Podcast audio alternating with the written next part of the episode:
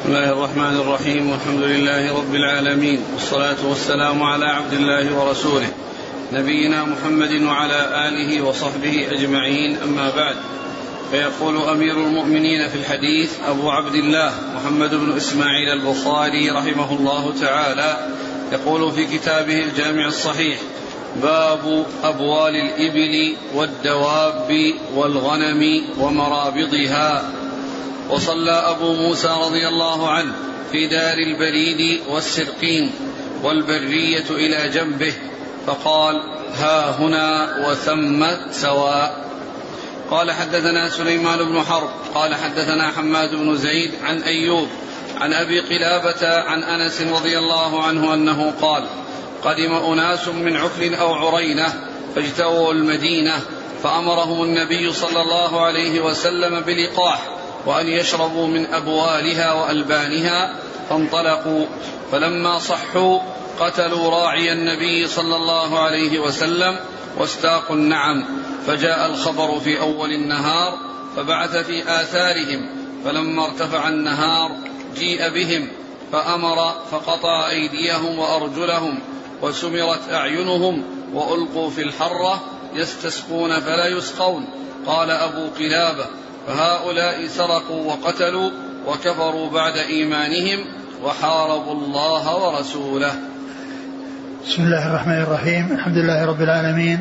وصلى الله وسلم وبارك على عبده ورسوله نبينا محمد وعلى آله وأصحابه أجمعين. أما بعد فيقول الإمام البخاري رحمه الله باب أبوال الإبل والدواب والغنم. وإيش؟ ومرابضها. ومرابضها. آه هذه الترجمة معقودة لبيان أن أن أن الدواب يعني آه فيما يتعلق ب في فيما يتعلق بأبوالها وأرواثها أن أن أن أن, أن, أن يعني لها حكم يتعلق بها وهي وهي أن وهو أن ما كان منها مأكول اللحم فإن هذا جاء ما يدل على يعني طهارته سواء كان يعني بولا أو روثا وهذا من الإبل والغنم والخيل والبقر وغير ذلك من الحيوانات التي يؤكل لحمها. وأما الحيوانات التي لا يؤكل لحمها مثل مثل الكلاب والحمير والبغال وغير ذلك فإن يعني ما يحصل منها نجس ولا وليس حكمه حكم ما يؤكل لحمه. والترجمة ذكر فيها الإبل ثم ذكر الدواب وذكر الغنم. ومن المعلوم أن الإبل والغنم يعني أشياء خاصة والدواب لفظ عام والدواب لفظ عام.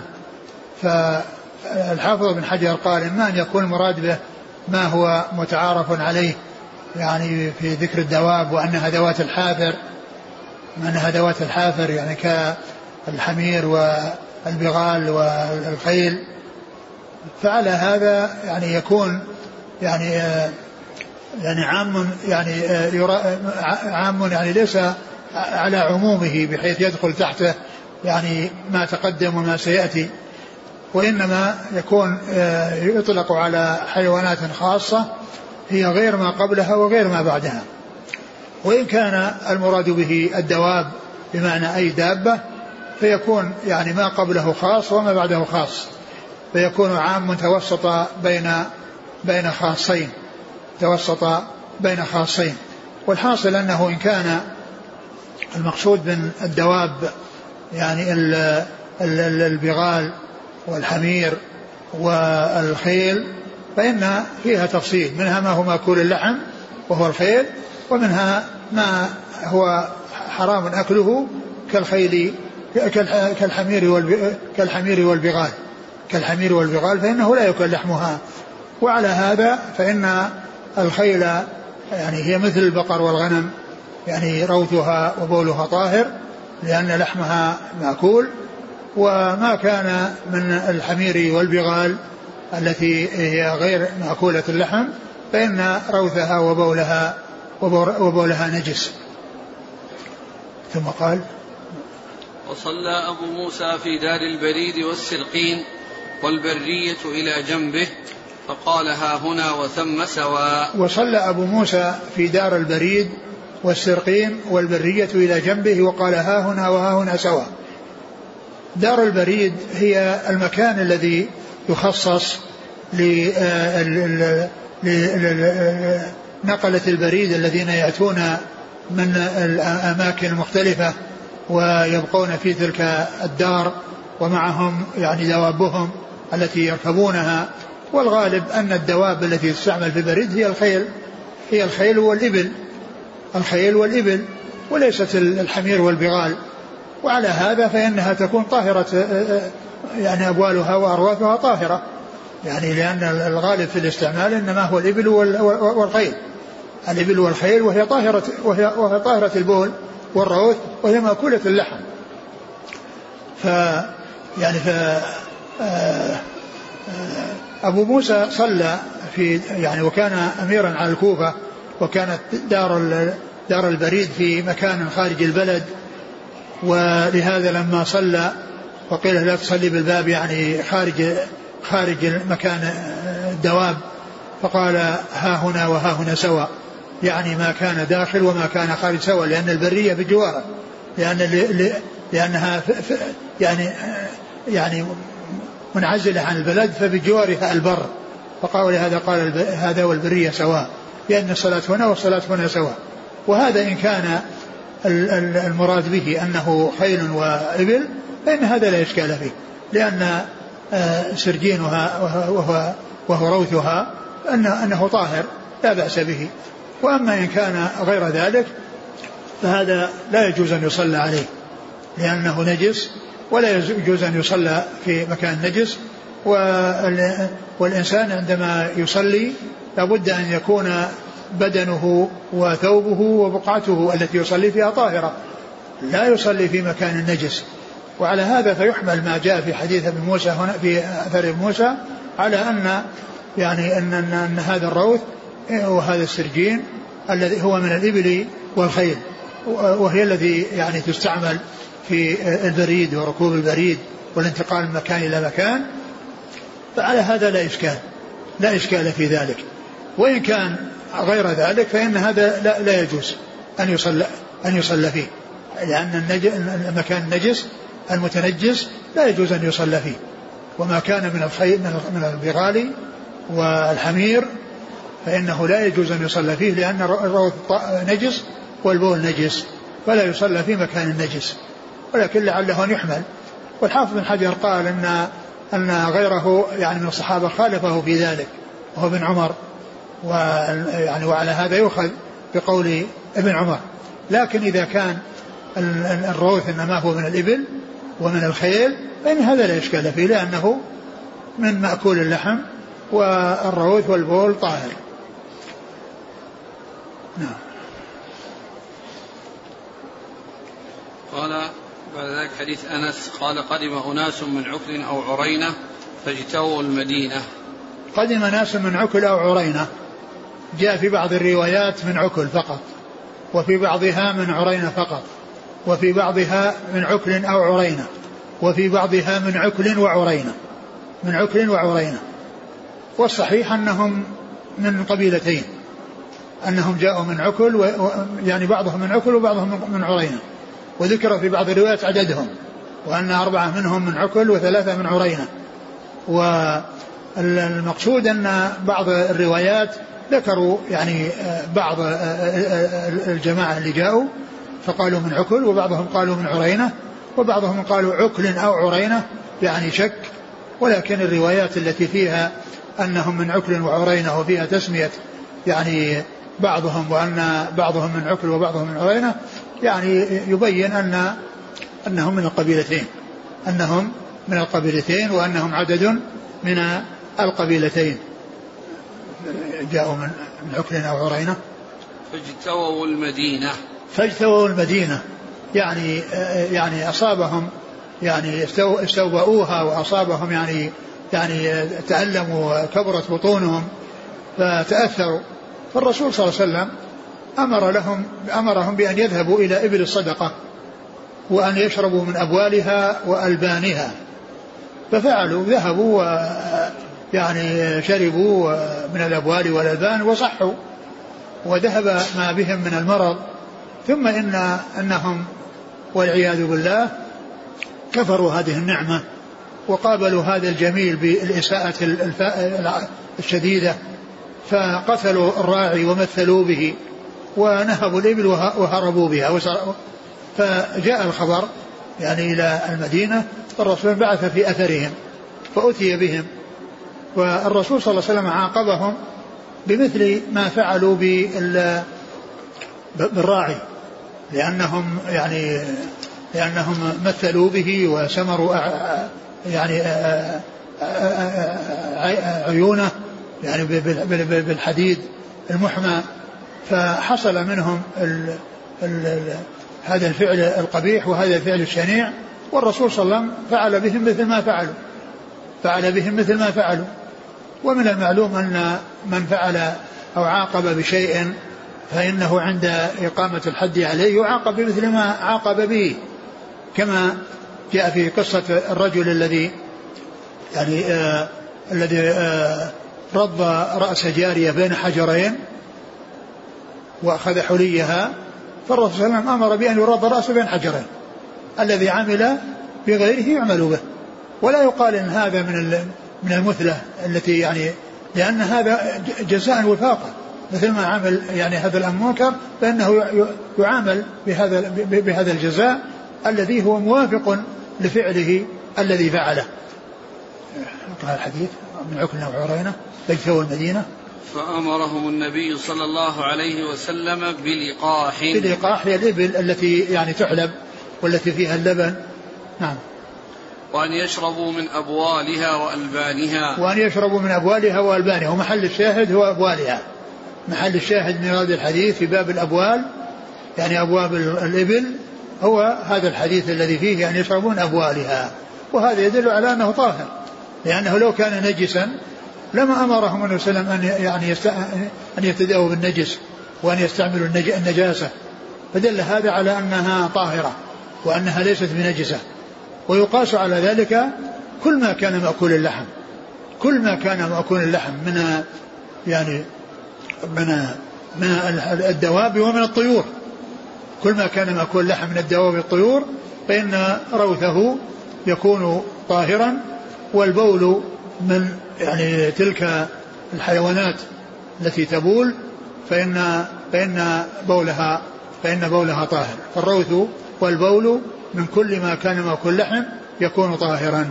والحديث يدل على طهارة أبوال الإبل بالنص وعلى غيرها مما يماثلها بالقياس. ومما يدل على ذلك أن النبي صلى الله عليه وسلم أدخل البعير ليطوف عليه في حول الكعبة ومن المعلوم أن البعير يحصل منه الروث ويحصل منه البول. فلو كان آه، بوله وروثه نجسا لما عرض النبي صلى الله عليه وسلم آه، النبي صلى الله عليه وسلم المسجد الحرام للنجاسة. لكن دل هذا على طهارته. فإذا الأحاديث جاءت ثابتة في طهارة أرواث وأبوال ما يؤكل لحمه من أبوالها وألبانها. نعم. فانطلقوا فلما صحوا فانطلقوا يعني ذهبوا وشربوا من هذه من هذا الذي أرشدهم إليه الرسول صلى الله عليه وسلم. فلما صحوا تبدل السقم صحة والمرض عافية كفروا هذه النعمة وجحدوا هذا الجميل وقابلوا يعني الإحسان بالإساءة. قابلوا الإحسان بالإساءة. نعم. فلما صحوا قتلوا راعي النبي صلى الله عليه وسلم واستاقوا النعم. قتلوا راعي النبي صلى الله عليه وسلم واستاقوا النعم يعني جمعوا بين قتل الراعي والتمثيل به واستاقوا النعم يعني نهبوها وساقوها يعني استولوا عليها وأرادوا ان أن يأخذوها غصبوها. فنعم فلما فجاء الخبر في أول النهار فبعث في آثارهم. فلما ارتفع النهار جيء بهم فأمر فقطع أيديهم وأرجلهم وسمرت أعينهم وألقوا في الحرة يستسقون فلا يسقون. قال نعم. أبو قلابة نعم قال يعني فلما يعني جاء الخبر في أول النهار أرسل في أثرهم فأتي بهم بعدما أرتفع النهار فأمر النبي صلى الله عليه وسلم بأن يعني تقطع أيديهم وأرجلهم وأن تسمر أعينهم يعني بالحديد المحمى وأن يعني وألقوا في الحرة يعني يستصفون فلا يسقون حتى ماتوا حتى ماتوا لأنهم يعني يعني حصل منهم الحرابة وحصل منهم القتل وحصل منهم الاستيلاء على المال يعني بغير حق فعوقبوا بهذه العقوبة. وهذا الحصول آه، سمر الأعين إنما هو جزاء وفاقا بما حصل منهم من الراعي للراعي. نعم. قال وألقوا في الحرة يستسقون فلا يسقون. نعم يطلبون ماء فلا فلا يحقق لهم. نعم. قال أبو قلابة فهؤلاء سرقوا وقتلوا وكفروا بعد إيمانهم وحاربوا الله ورسوله. يعني جمعوا بين هذه المفاسد كلها. نعم. قال حدثنا سليمان بن حرب نعم. عن حماد بن زيد نعم. عن أيوب بن أبي تميم الصفياني عن أبي قلابة. عبد الله بن زيد الجرمي. عن أنس. نعم. وهم بصريون. نعم. فعل أبي موسى. صلى أبو موسى في دار البريد والسرقين. إذا قلنا أنها روث الإبل ألا يعارض الحديث أن أصلي في مرابض الإبل؟ قال لا. معاطن. معاطن الإبل. نعم جاء في الحديث. أن يصلي صلوا في مرابط, مرابض الغنم ولا تصلوا في معاطن الإبل. النهي عن الصلاة في معاطن الإبل ليس لنجاستها. وإنما لأن الإنسان إذا صلى في يعني عند الإبل وفي الأماكن التي تعطن فيها والمعاطن هي التي إذا شربت ووردت الماء وشربت فإنها تبرك في أماكن قريبة من من من من الماء تسمى المعاطن ويقابل ومثلها المرابط بالنسبة للغنم. فالرسول عليه الصلاة والسلام أذن بالصلاة في مرابط الغنم ولم يأذن بالصلاة في معاطن الإبل لا لنجاستها فهي طاهرة ولكن لأن الإبل يعني عندها نفار وعندها شدة وعندها غلظة فلو حصل شيء لها من جفال فإنها تهلك من حولها. تهلك من حولها. فهذا هو السبب في ذلك. وليس المقصود بذلك مقصود بذلك النجاسة وإنما لكونها عندها فيها غلظة وفيها شدة وفيها يعني آه، إيذاء لمن يكون حولها. لو حصل لها نفار وجفال فإنه يحصل. يعني ولهذا يعني ال آه، يعني من يكون من يرعى الغنم يكون عنده هدوء وسكينة. ومن يرعى الإبل يكون عنده شدة وغلظة.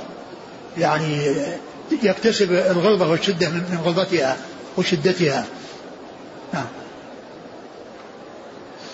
هل يجوز استعمال أرواث الحمير والبغال كموقد لطهي الطعام؟ إيش إيش؟ الروث يستخدم كإيقاد للنار. إيقاد للنار؟ الروث؟ روث نعم. الحمير؟ نعم. لا الحمير لا يستعمل لإيقاد النار لأن هذا يعني النجس ويحصل فيه يعني الدخان الذي يتطاير يعني منه فيعني ينجس. وأما بالنسبة لأرواث أرواث الإبل ما في بأس لأنه شيء طاهر. أو يقول الحمير والبغال. البغال الحمير الحمير والبغال يعني آه هي التي قلنا إن أرواثها يعني لا لا تستعمل. لا في آه لا يعني لا يصلى عليها وكذلك لا يصح أن تستعمل في في في في في, في إيقاد النار. وكذلك يعني إذا كانت توقد فيها النار لا يجوز. لأنه لانها نجس وهذا استعمال نجاسة دخانها يظهر منها فيؤثر على ما حولها. ورائحتها أيضا رائحة النجس. سواء كان الطهي بغطاء أو بدون غطاء. مطلقة ما يصح أن الناس يعني يستعملون أرواث الحمير لإيقاد النار. وإنما يستعملون ما هو طاهر. قال حدثنا آدم قال حدثنا شعبة قال أخبرنا أبو التياح يزيد بن حميد عن أنس رضي الله عنه أنه قال كان النبي صلى الله عليه وسلم يصلي قبل أن يبنى المسجد في مرابض الغنم. ثم ذكر هذا الحديث أن النبي صلى الله عليه وسلم كان قبل أن يبنى المسجد يصلي في مرابض الغنم. يصلي في مرابض الغنم. وهذا يعني دل من فعله على الصلاة في مرابض الغنم ودل من قوله آه، آه، صلوا في مرابض الغنم. يعني جاء من قوله وفعله. و آه، كما عرفنا أن أن أرواثها طاهرة فالصلاة في فالصلاة عليها تكون على شيء طاهر. قال حدثنا آدم آدم بن أبي إياس عن شعبة بن الحجاج. عن أبي التياح يزيد بن حميد نعم, نعم. عن أنس. نعم. قال رحمه الله تعالى باب ما يقع من النجاسات في السمن والماء. وقال الزهري لا بأس بالماء ما لم يغيره طعم أو ريح أو لون. وقال حماد لا بأس بريش الميتة. وقال الزهري في عظام الموتى نحو الفيل وغيره أدركت ناسا من سلف العلماء يمتشطون بها ويدهنون فيها لا يرون به بأسا. وقال ابن سيرين وإبراهيم ولا بأس بتجارة العاج. قال حدثنا إسماعيل قال حدثني مالك عن ابن شهاب عن عبيد الله بن عبد الله عن ابن عباس رضي الله عنهما عن ميمونة رضي الله عنها أن رسول الله صلى الله عليه وعلى آله وسلم سئل عن فأرة سقطت في سمن فقال ألقوها وما حولها فاطرحوه وكلوا سمنكم. ثم ذكر باب ثم قال باب آه ما يقع من النجاسات في السمن والماء. باب ما يقع من النجاسات في السمن والماء. باب ما يقع من النجاسات في السمن والماء. يعني النجاسات التي تقع في, السمن وتقع في الماء يعني هذه فيما إذا كان الماء قليلا فإن النجاسة تؤثر فيه وإن لم تغير له لونا وطعما وريحة لأن الشيء القليل يعني مثل مثل مثل الوعاء الصغير أو القدح الصغير لو جاء فيه شيء من البول وتحقق أنه وقع فيه شيء من البول ولكنه ما تغير له لونه ولا طعم ولا ريح فإنه لا يجوز أن أن أن يستعمل. وإذا كان الماء كثيرا وإذا كان الماء كثيرا لا يؤثر فيه لا تؤثر فيه النجاسة فإن ذلك لا يضره. فإن ذلك لا يضره. و وقد جاء يعني في آه، بعض الأحاديث أن أن النبي صلى الله عليه وسلم قال الماء طهور لا ينجسه شيء. وجاء في بعض الروايات بإسناد ضعيف إلا ما غير لونه وطعمه أو ريحه ولكن هذه الزيادة مجمع عليها لا خلاف فيها بين أهل العلم. أن النجاسة إذا غيرت الماء بلون أو لونه أو طعمه ريحة فإنه يكون نجسا. أما إذا لم تغير له لون ولا طعم ولا ريح فإنه يكون طاهرا. وإذا كان قليلا فإن النجاسة تؤثر فيه وإن لم تغير له لونا أو طعما وريحا هذا إذا كان قليلا. والعلماء يعني ذكروا فيما يتعلق بالفرق بين القليل والكثير هو القلتين كما جاء في الحديث عن النبي صلى الله عليه وسلم يعني إذا بلغ الماء قلتين لم يحمل الخبث يعني لم يؤثر فيه الخبث. إذا بلغ الماء قلتين يعني فأكثر لم لم يحمل الخبث يعني لم يعني يؤثر فيه الخبث الذي يقع فيه وإنما يؤثر في الشيء القليل وإنما يؤثر في الشيء القليل. الحاصل أن أن ما كان من الماء كثيرا فإن النجاسة لا تؤثر فيه إلا إن غيرت لونا طعما أو ريحا. وإن كان قليلا فإنه ينجس وإن لم تغير له لونا أو طعما أو ريحا.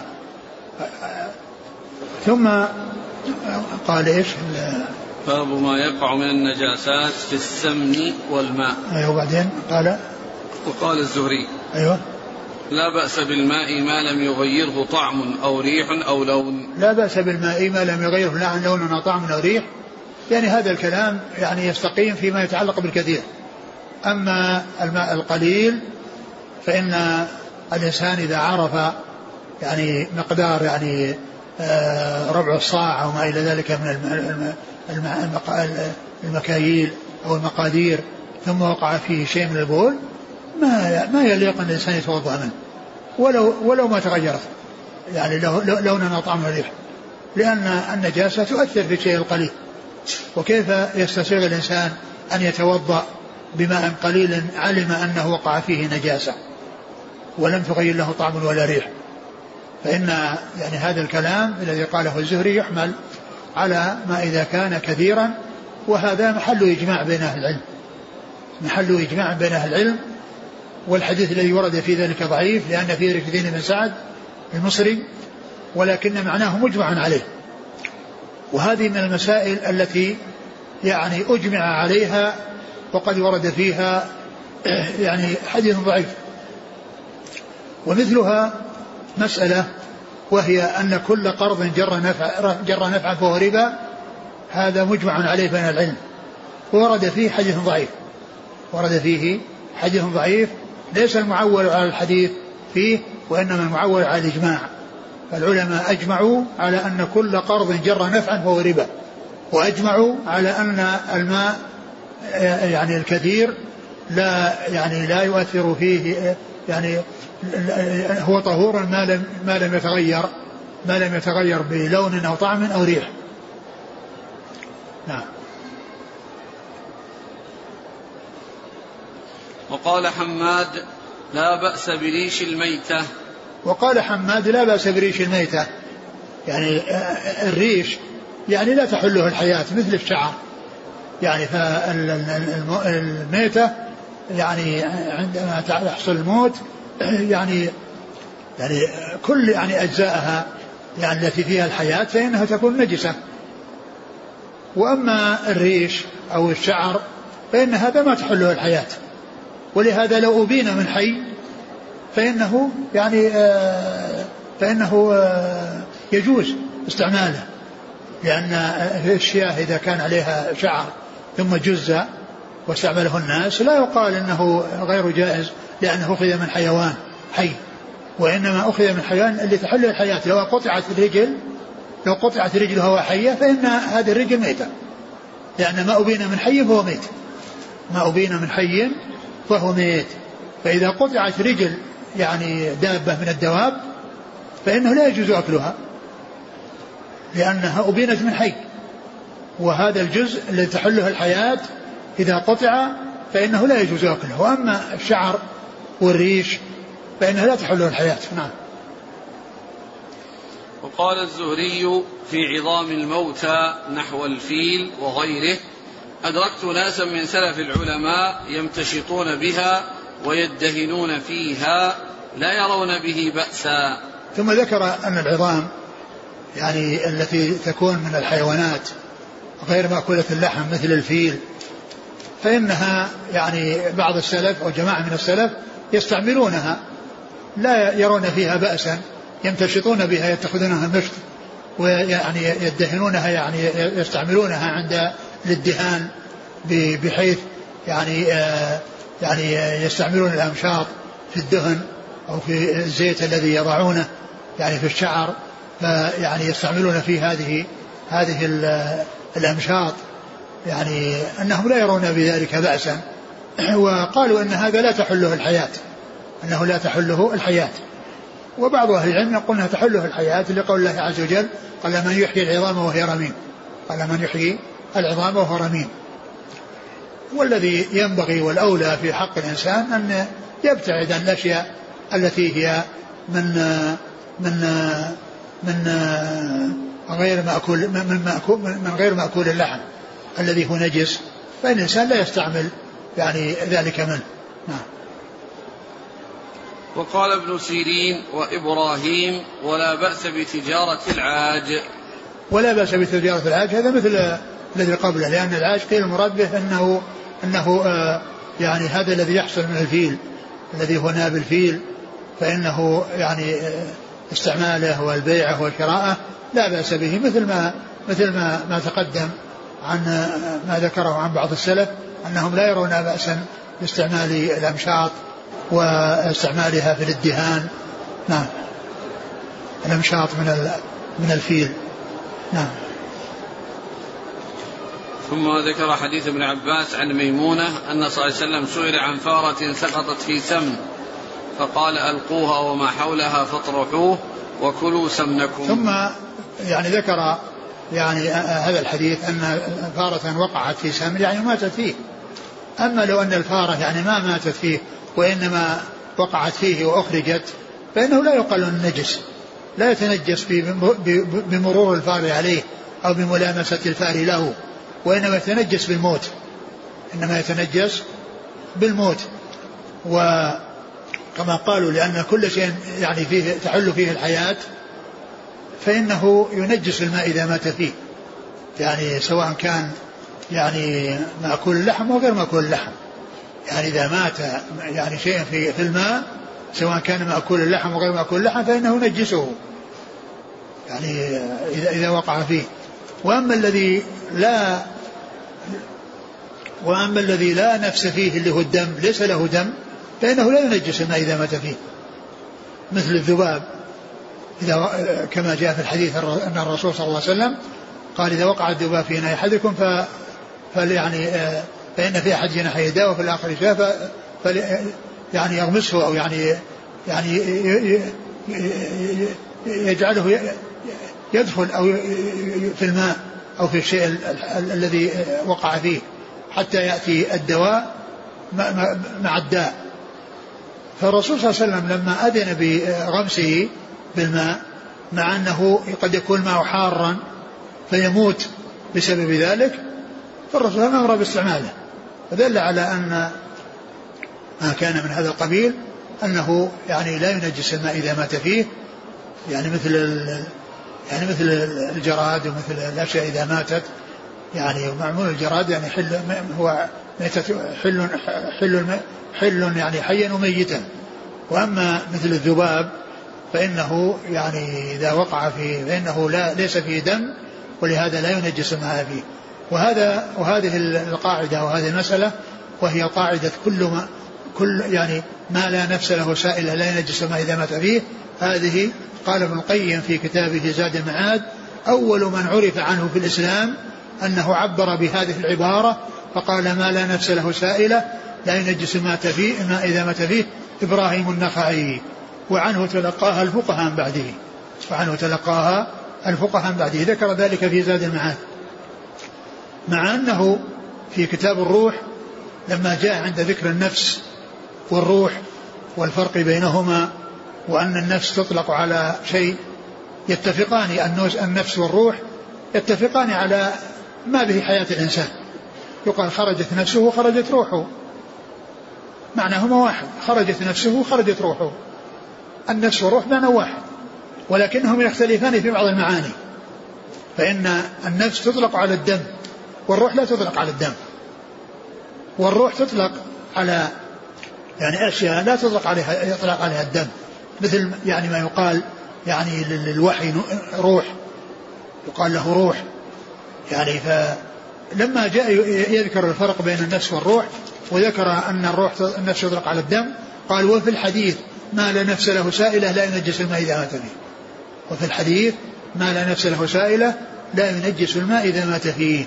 مع أنه هو نفسه قال أن أول من عبر بهذه العبارة إبراهيم النقعي وهذا مما يبين أن كتاب الروح وفيه أشياء يعني فيها نظر يعني أن هذا كتاب قديم هو ابن القيم بلا شك. ولكن يعني فيه أمور تدل على أن هذا من أول ما ألف.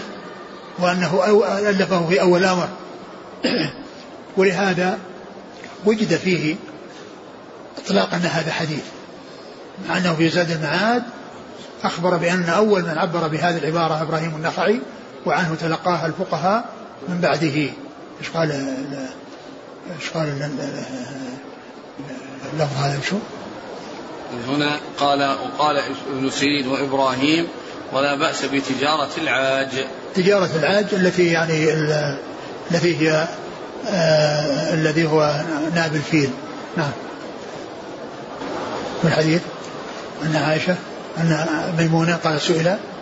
عن فأرة سقطت في سمن فقال يعني جاء في بعض الروايات أن أن ميمونة هي السائلة وقد أفهمت نفسها كما مر في حديث بالأمس الذي فيه أن آه، أبهم نفسه هي فاطمة أسماء.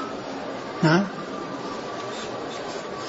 أرأيت إحدانا تحيض في الثوب كيف تصنع؟ نعم أسماء هي التي سألت وقد أفهمت نفسها. وقلنا إن مثل هذا لا إشكال فيه وأنه سائر والكلام صحيح. امرأة سألت وهنا قالت سئل رسول الله وهي التي سألت. فلا يؤثر كون السائل يعني يخفي نفسه ويبين أن أنه حصل سؤال النبي صلى الله عليه وسلم من سائل وكونه هو السائل لا يؤثر ذلك. أن أن أن فارة وقعت في سمن. نعم وقعت في سمن. قلنا إذا كانت ماتت فيه فإنها تنجسه وسواء كان ذلك من مأكول اللحم وغير مأكول اللحم. وقلت لكم أن ما يتعلق بال بال ما لا نفس له سائلة أنه لا ينجس الماء إذا مات فيه واستدل على ذلك بغمس الذباب بالماء وقد يكون حارا فيموت. والرسول أمر باستعماله ما أمر بإراقته وإتلافه وإنما أمر باستعمال الماء لكن أمر بغمسه ليأتي الدواء الذي في الجناح الذي رفعه على الداء الذي في الجناح الذي خفضه. فيكون اجتمع الداء والدواء أو جاء الداء ليقضي على الدواء ليقضي على الداء. فيعني هذا يدل على أن ما كان غير مأكول لحم لا يؤثر إذا مات فيه وما كان أن ما لا نفس لا سائلة لا يؤثر وما لا نفس لا سائلة إذا مات سواء كان مأكول لحم أو غير لحم فإنه يؤثر. والرسول صلى الله عليه وسلم سئل عن فأرة وقعت في سمن فقال ألقوها وما حولها وكلوا سمنكم. ألقوها وما حولها وكلوا سمنكم. واختلف العلماء في هذا فمنهم من قال إن هذا يحمل على ما إذا كان السمن جامدا وأنها ماتت يعني في مكان يعني آه، لم يصل أو يعني يتسرب إلى إلى إلى غيره فإنها تخرج وما حولها مما اتصل بها. يعني لأن المتصل بها يكون نجس فيزال معها ويستعمل الباقي. ومنهم من قال إن أنها إذا كان السمن يعني سائلا أن كذلك الحكم ولكن الجمهور على خلاف ذلك وأن أن هناك فرق بين ما إذا كان السمن جامدا فإنه تزال ما حولها وما إذا كان مائعا فإنها يعني آه يؤثر فيه كله فلا, فلا يستعمل. وقد جاء في حديث يعني ذكره الحافظ في التفريق بين ما كان سائلا وما كان جامدا. نعم. أقرأ الحديث. قال أن رسول الله صلى الله عليه وسلم سئل عن فأرة سقطت في سمن فقال ألقوها وما حولها فاطرحوه وكلوا سمنكم. نعم.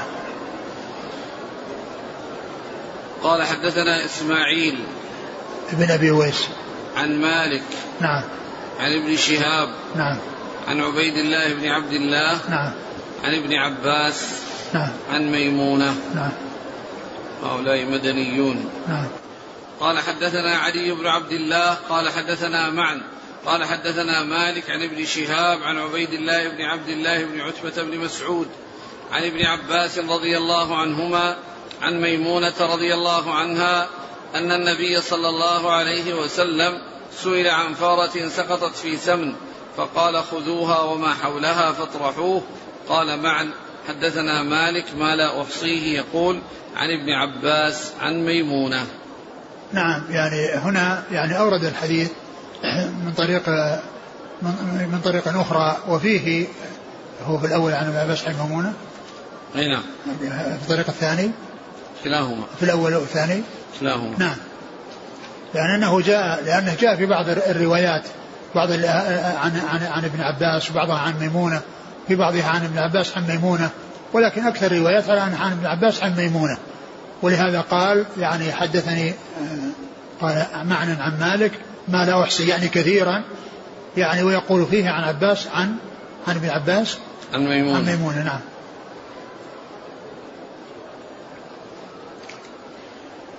قال حدثنا علي بن عبد الله هو ابن المديني. عن معن. معن بن عيسى. عن مالك عن ابن شهاب عن عبيد الله بن عبد الله بن عتبة بن مسعود عن ابن عباس عن ميمونة. قال حدثنا أحمد بن محمد قال أخبرنا عبد الله قال أخبرنا معمر عن همام بن منبه عن أبي هريرة رضي الله عنه عن النبي صلى الله عليه وسلم أنه قال كل كلم يكلمه المسلم في سبيل الله يكون يوم القيامة كهيئتها إذا طعنت تفجر دما اللون لون الدم والعرف عرف المسك. أعد أعد المتن كل كلم يكلمه المسلم في سبيل الله يكون يوم القيامة كهيئتها إذ طعنت تفجر دما اللون لون الدم والعرف عرف المسك. يقول كل كلم الكلم هو الجرح. الكلم هو الجرح. يعني يقال يعني آه، قال يقول يعني في في الأمثال المشهورة يقول كلم اللسان أنكى من كلم السنان. يعني إن الجرح الذي يحصل في اللسان عن طريق الكلام قد يكون أشد من جرح السنان الذي هو السلاح. فالكلم هو الجرح. قال كل كلم يعني يكون في سبيل الله. وهذا يبين أن يعني هذا هذه الفضيلة وهذا الشيء الذي يكون يوم القيامة ان أنه يأتي لون لون لون الدم والريح ريح المسك أن هذا في أنه في سبيل الله. فلا يعني ذلك الجروح التي تحصل في, في أي وقت كل إنسان يصيبه جرح. يعني يعني حصل له حادث وانجرح ما يقال إن هذا يعني يدخل تحت هذا الحديث لأن هذا كلم في سبيل الله. يعني جرح في الجهاد في سبيل الله. ثم قال والله والله أعلم. لا ما في. كل ما في؟ كل كلم يكلمه المسلم في سبيل الله نعم. يكون يوم القيامة كهيئتها إذ طعنت. يكون كهيئتها يعني يأتي ك يعني الهيئة التي كان عليها. اللون لون الدم والريح ريح المسك. يعني معناها أن أن آه، أن هذا ليكون يعني علامة وبينة على يعني آه، أنه استشهد في سبيل الله. وأنه قتل في سبيل الله فيكون ذلك علامة يعني عليه. و ولهذا جاء أن, الأمو... أن... أن... الشهداء لا يغسلون. يعني لا يغسلون يعني حتى تبقى عليهم دماؤهم. حتى تبقى دماؤهم. يعني يأتي اللون لون الدم والريح ريح المسك.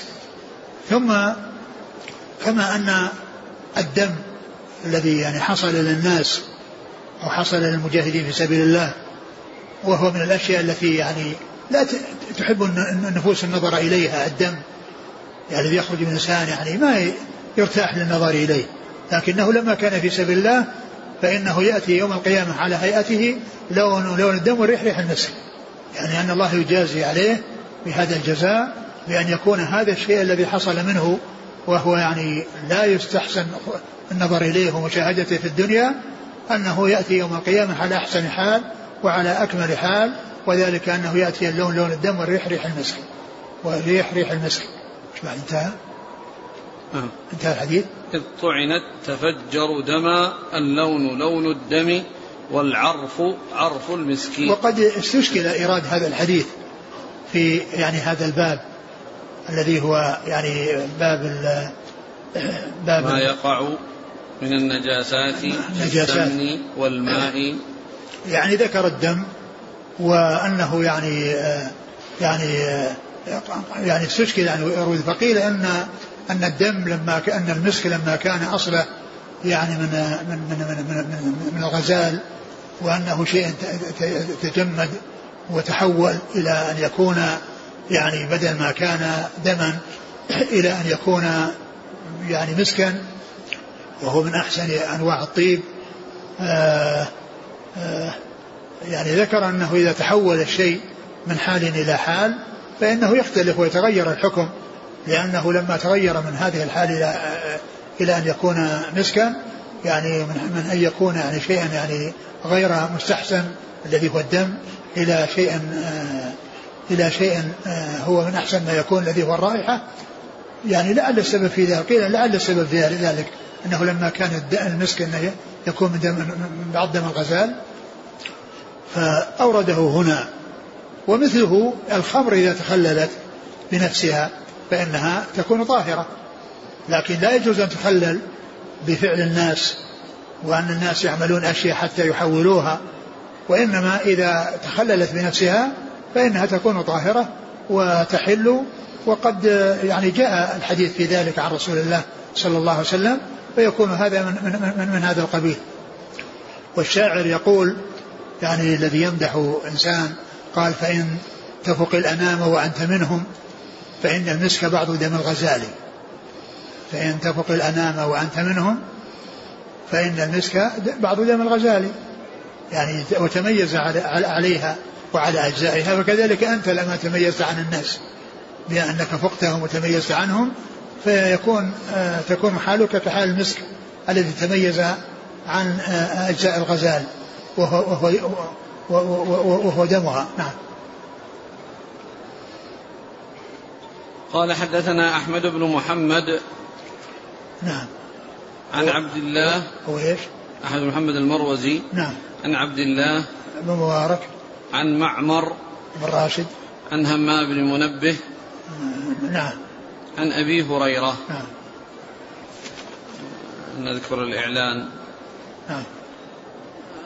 نلفت نظر الإخوان أن الشيخ عبد الرزاق حفظه الله.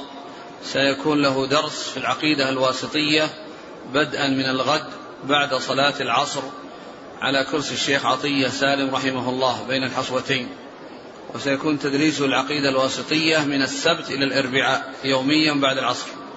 وأما درسه بعد صلاة المغرب من يوم الخميس في العقيدة الطحاوية على هذا الكرسي كرسي فضيلة الشيخ عبد المحسن العباد. قال رحمه الله تعالى باب الماء الدائم. قال حدثنا أبو اليمان قال أخبرنا شعيب قال أخبرنا أبو الزناد أن عبد الرحمن بن هرمز بن هرمز الأعرج حدثه أنه سمع أبا هريرة رضي الله عنه أنه سمع رسول الله صلى الله عليه وسلم يقول نحن الآخرون السابقون.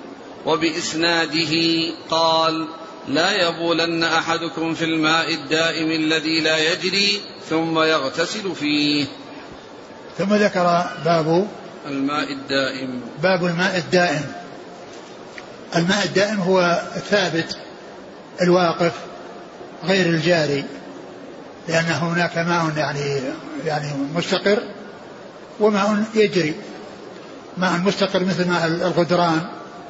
التي في البراري هذا قال له يعني دائم يعني لأنه واقف قطعة من الأرض فيها ماء والجاري هو مثل الأنهار ومثل الأودية التي تمشي. هذا قال لها يعني جاري وهذا قال له دائم وقال له راكد وقال له ساكن. فهنا ذكر يعني الماء الدائم يعني والبول فيه والاغتسال فيه البول فيه والاغتسال فيه. قال باب باب باب الماء الدائم. نعم. نعم. ورد حديث أبي ثم هريرة. أورد حديث أبي هريرة الذي ذكر في أوله نحن الآخرون الأولون سابقون. ثم قال وبإسناده لا يبولن أحدكم في الماء الدائم ثم هو يغتسل فيه. الذي لا يجري ثم يغتسل نعم. فيه. فيغتسل أحدكم الماء الدائم الذي لا يجري. لا يبولن.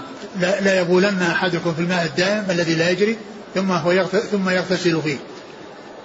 الذي لا يجري هو يعني بيان يعني للدائم وأنه الذي لا يجري لأن فيه ماء جاري وغير جاري. فغير الجاري هو الدائم الساكن الراكد الذي يعني ليس له جريان وانتقال من مكان إلى مكان. والحديث فيه أن ما كان من الماء الأنهار والماء الجاريه الأماكن الجارية أن ذلك لا يؤثر. يعني كون الإنسان يعني يحصل منه عند الحاجة أنه يعني يبول فيه أو أنه أو كذلك في البحر كونه يبول فيه لا يؤثر ذلك. لا يؤثر ذلك. وأما الماء الساكن الذي هو يعني مثلا قطعة من من الماء أو بقعة من الماء في الفلات يعني متجمعة من السيل يأتي الإنسان ويبول فيه لا يجوز له لأن ذلك يفسده على غيره ويقذره على غيره. حتى وإن كان كثيرا لا تضره النجاسة أو لا تؤثر فيه لكنه يقذره يقذره على غيره. وأما إذا كان قليلا فإنه يفسده عليه وعلى نفسه على غيره وعلى نفسه يفسده على نفسه وعلى غيره. وإن كان كثيرا فإنه يقذره على غيره لأنه مستقر ليس جاري يتبدل ويتغير ويأتي ماء مكان ماء. فقال لا يبولن أحدكم في الماء الدائم الذي لا يجري الذي لا يجري صفة يعني آه، موضحة ومبينة لمعنى الدائم. ثم يغتسل فيه. قيل أن المقصود هنا يغتسل فيه ثم ثم هو يغتسل فيه. يعني أنه يؤول أمره إلى أن يحتاج إليه لأن يغتسل فيه. فيكون يعني معنى ذلك أنه أفسده على نفسه. وقد جاء في بعض الروايات لا يبولن ولا يغتسل. يعني فيه النهي عن هذا وعن هذا. فالبول لأنه يعني يعني فيه تنجيس والاغتسال فيه يعني معناه أنها يعني يكون ماء مستعملا. يكون ماء مستعملا ويعني أيضا كذلك حيث يكون قليلا فإنه أيضا يؤثر على غيره. أقول يعني آه، يجعل غيره يعني لا يرتاح إليه. ولا يطمئن إليه. ف وذكر في هذا الحديث أوله نحن السابقون الأولون الآخرون السابقون ثم ذكر هذا الحديث. وهذا من من من, من أحاديث يعني يرويها يعني أبو هريرة يرويها آه، الأعرج عن أبي هريرة وفيه يعني آه، صحيفة أخرى عن همام منبه يرويها عن أبي هريرة. والصحيفتان متقاربتان. يعني بينهما شيء من التقارب وشيء من التماثل. وكل صحيفة أو كل يعني آه، صحيفة مبدوءة بحيث نحن الآخرون نحن الآخرون السابقون يوم القيامة. صحيفة همام وصحيفة عبد آه، وصحيفة عبد الأعرج عن أبي هريرة. كل من الصحيفتين مبدوءة بهذا الحديث. والبخاري رحمه الله عندما يروي من الصحيفتين أحيانا يذكر أول حديث وأحيانا يأتي بالحديث الذي يريده من الصحيفة دون أن يشير إلى الحديث الأول. يعني عنده هاتان الطريقتان. أحيانا يذكر الحديث كما ذكره هنا وذكره أيضا في التعبير. يعني في يعني نفس الحديث أمام في التعبير.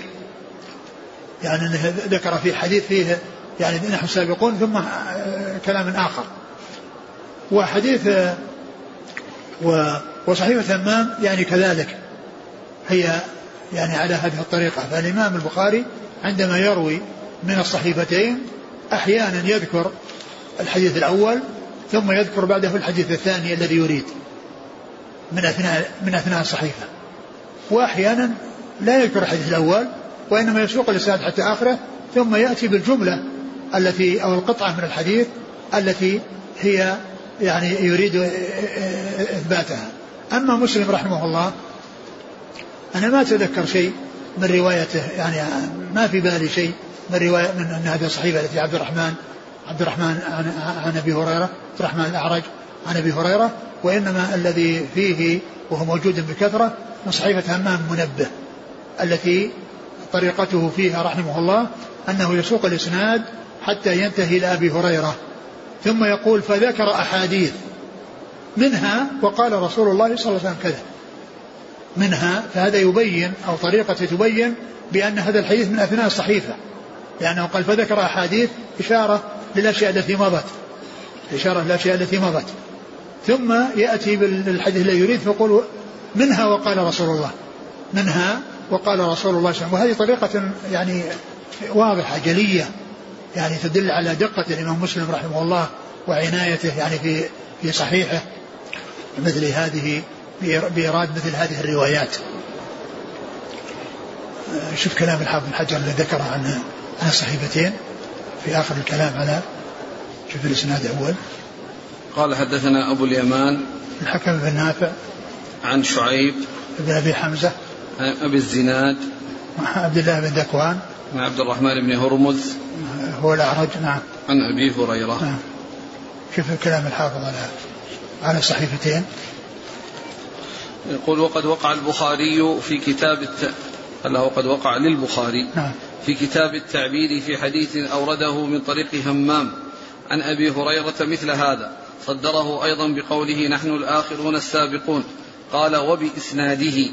ولا يتأتى فيه المناسبة المذكورة مع ما فيها من التكلف.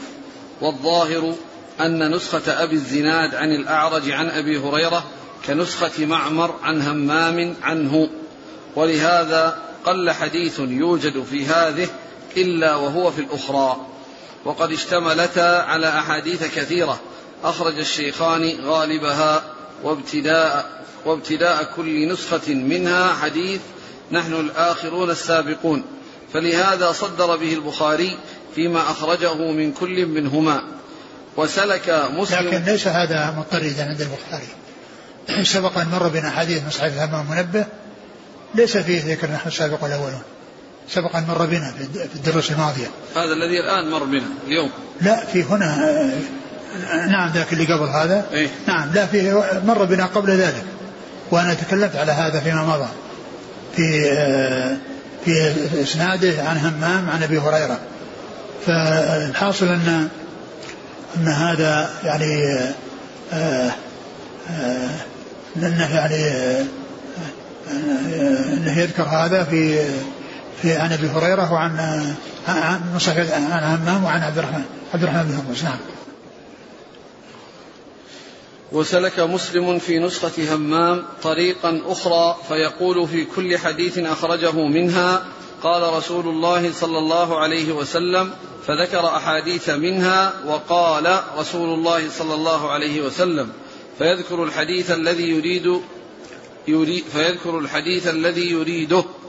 يشير بذلك إلى أنه من أثناء النسخة لا أولها والله أعلم. نعم يعني النسخة من صحيفة همام كلها موجودة في مسند الإمام أحمد في مسند أبي هريرة.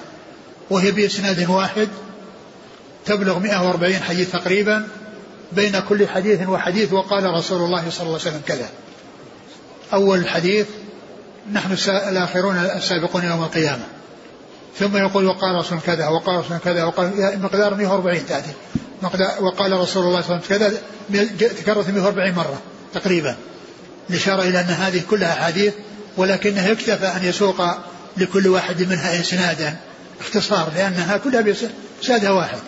فاكتفى بأن يسوق في أولها إسناد ثم يعني بدلا من يسوق 140 إسناد يعني تتكرر يقول وقال رسول الله وقال رسول الله كذا وقال رسول الله وقال رسول الله كذا. فالإمام أحمد رحمه الله أوردها كاملة وذكر يعني آآ آآ ذكرها على هذا السياق الذي فيه وقال كذا وقال كذا وقال كذا وقال كذا حتى عد مقدار ما يقرب من 140 حديثا. ونتوقف عن التدريس إلى يوم الجمعة.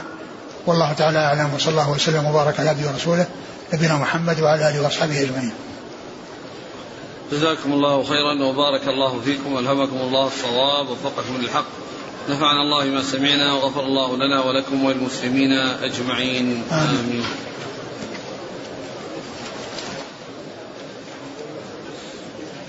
قوله صلى الله عليه وسلم لا يبولن أحدكم في الماء الدائم. على ماذا نحمل النهي؟ يعني إذا كان قليلا فهو للتحريم لأنه ينجسه ويذهب يعني فائدته. وأما إذا كان كثيرا على الكراهة لأنه يعني يقذره على غيره وإن كان لا ينجسه.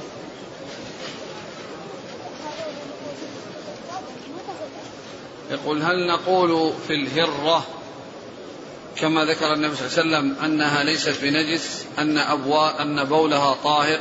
لا أبدا. ليست بنجس يعني أنها شربها وأما بول هي هي غير مأكولة ليس لأحد يأكلها. لا تؤكل الهرة لكن كونها من الطوافين يعني يعني إذا يعني شربت من شيء أو كذا لا لا يؤثر. اللهم إلا أن يوجد في فمها يعني فأرة ولا شيء نجس فإن هذا يؤثر.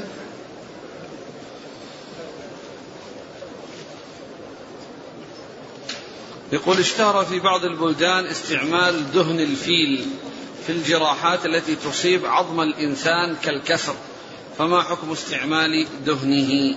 والله أقول دهنه منه مثل لحمه. أقول دهن شحمه لحمة يعني من جنسه غير مأكول اللحم. أقول غير مأكول اللحم وغير مستعمل السمن أو الشحم. هل الشعر الجائز استخدامه أو الريش خاص بالحيوانات الطاهرة فقط؟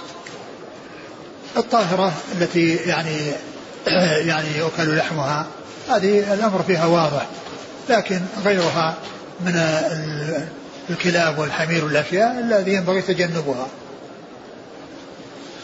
طالب العلم الذي خرج لطلب العلم ألا يشمله الحديث لو لا قدر الله كل كلمة لا لا ما يشمل. أقول لا يشمل لأن هذا يعني يعني وإن كان أنه يعتبر من الجهاد في سبيل الله إلا أنه يعني يعني يعتبر من من في سبيل الله معنى العام. وليس في سبيل الله معنى خاص. لأن في سبيل الله يعني يشمل أمور كثيرة. كل وجوه الخير فيها في سبيل الله بالمعنى العام. والمعنى الخاص في سبيل الله الجهاد الذي ذكر الله عز وجل أهله في أصناف أصناف الزكاة الثمانية. إنها صدقة الفقراء والمساكين والعاملين عليه والمؤلف قلوب والرقاب والغارمين وفي سبيل الله وفي سبيل. لأن في سبيل الله مقصود الجهاد في سبيل الله. لأن الفقراء والمساكين في سبيل الله أعطاهم وإعطاء ابن السبيل في سبيل الله بمعنى العام وكذلك عتق الرقاب في سبيل الله وكذلك الغارمين كل هذه في سبيل الله بالمعنى العام. لكن يعني في سبيل الله انه يجاهد في سبيل الله لأنه يعتبر شهيد يعني يعني مثل ما قال يعني يؤتى يعني اللون لون الدم والريح ريح المسك. يقول حفظك الله هل جهاد الحاكم الطاغية الظالم؟ يعتبر في سبيل الله وهل يجوز الدعاء عليه؟ نعم الدعاء على الظلمة يدعى على الظالم. أقول يدعى على, على الظالم يعني الدعاء عليه جائز.